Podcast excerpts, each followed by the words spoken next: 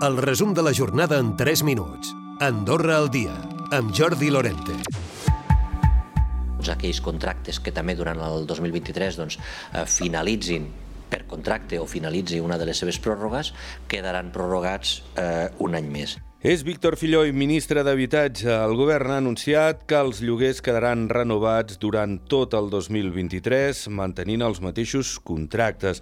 L'increment del preu serà el mateix que el govern, això sí, decideixi que s'aplicarà als salaris durant l'any vinent. No s'ha decidit encara, perquè s'està a l'espera de veure quina serà la inflació per veure si s'aplica tot l'IPC o només una part.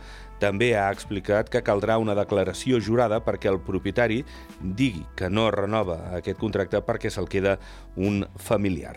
Filloi també comentava que els contractes que van començar el 2019 i el 2020 podran tenir un augment de preu de com a màxim del 10% i també modifiquen l'impost sobre els habitatges buits. Són algunes de les qüestions destacades del dia que presentava Filloi. D'altra banda, Betim Butzaku, el director general d'Andorra Turisme, avui explicava que no està tan clar que es faci l'Andorra Mountain Music. El tema de, de Mountain Music és un valor afegit, però no és imprescindible indispensable, ni molt menys, perquè és un festival més que es pot fer en qualsevol moment. De fet, fa poc més d'un mes, Jordi Torres, el ministre de Turisme, deia que, que sí que es faria i que es faria coincidir amb les finals de la Copa del Món d'esquí alpí que s'han de fer a Soldeu i que caldria veure si fins i tot entre un i dos caps de setmana i es parlava fins i tot dur algun cap de cartell com David Guetta.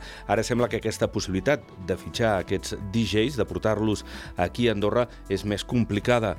Jo crec que en dos o tres setmanes hem de definir perquè és el tema de contracció d'artistes. Artistes durant l'hivern la majoria de, de mountain music possibles estan als Estats Units, llavors el cost es dispara perquè mm. són artistes que, que no estan sempre en Europa.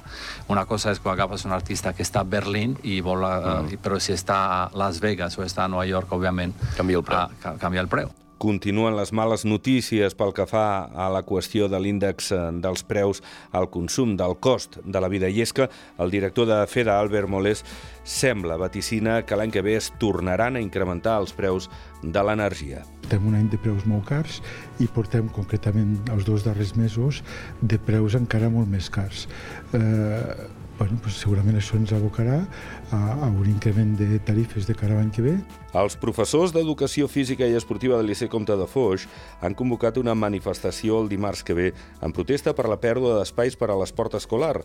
Des de l'any passat no poden utilitzar l'estadi nacional i han vist retallades les hores al comunal per la presència del Futbol Club Andorra, una situació que afecta els prop de 1.600 alumnes del centre. De fet, des de la corporació del Comú de la capital han dit que tinguin paciència els rectors del Liceu perquè, per exemple, el BPC també s'ha hagut d'adaptar.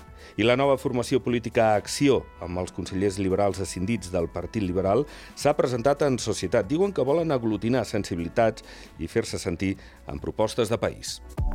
Recupera el resum de la jornada cada dia a Andorra Difusió.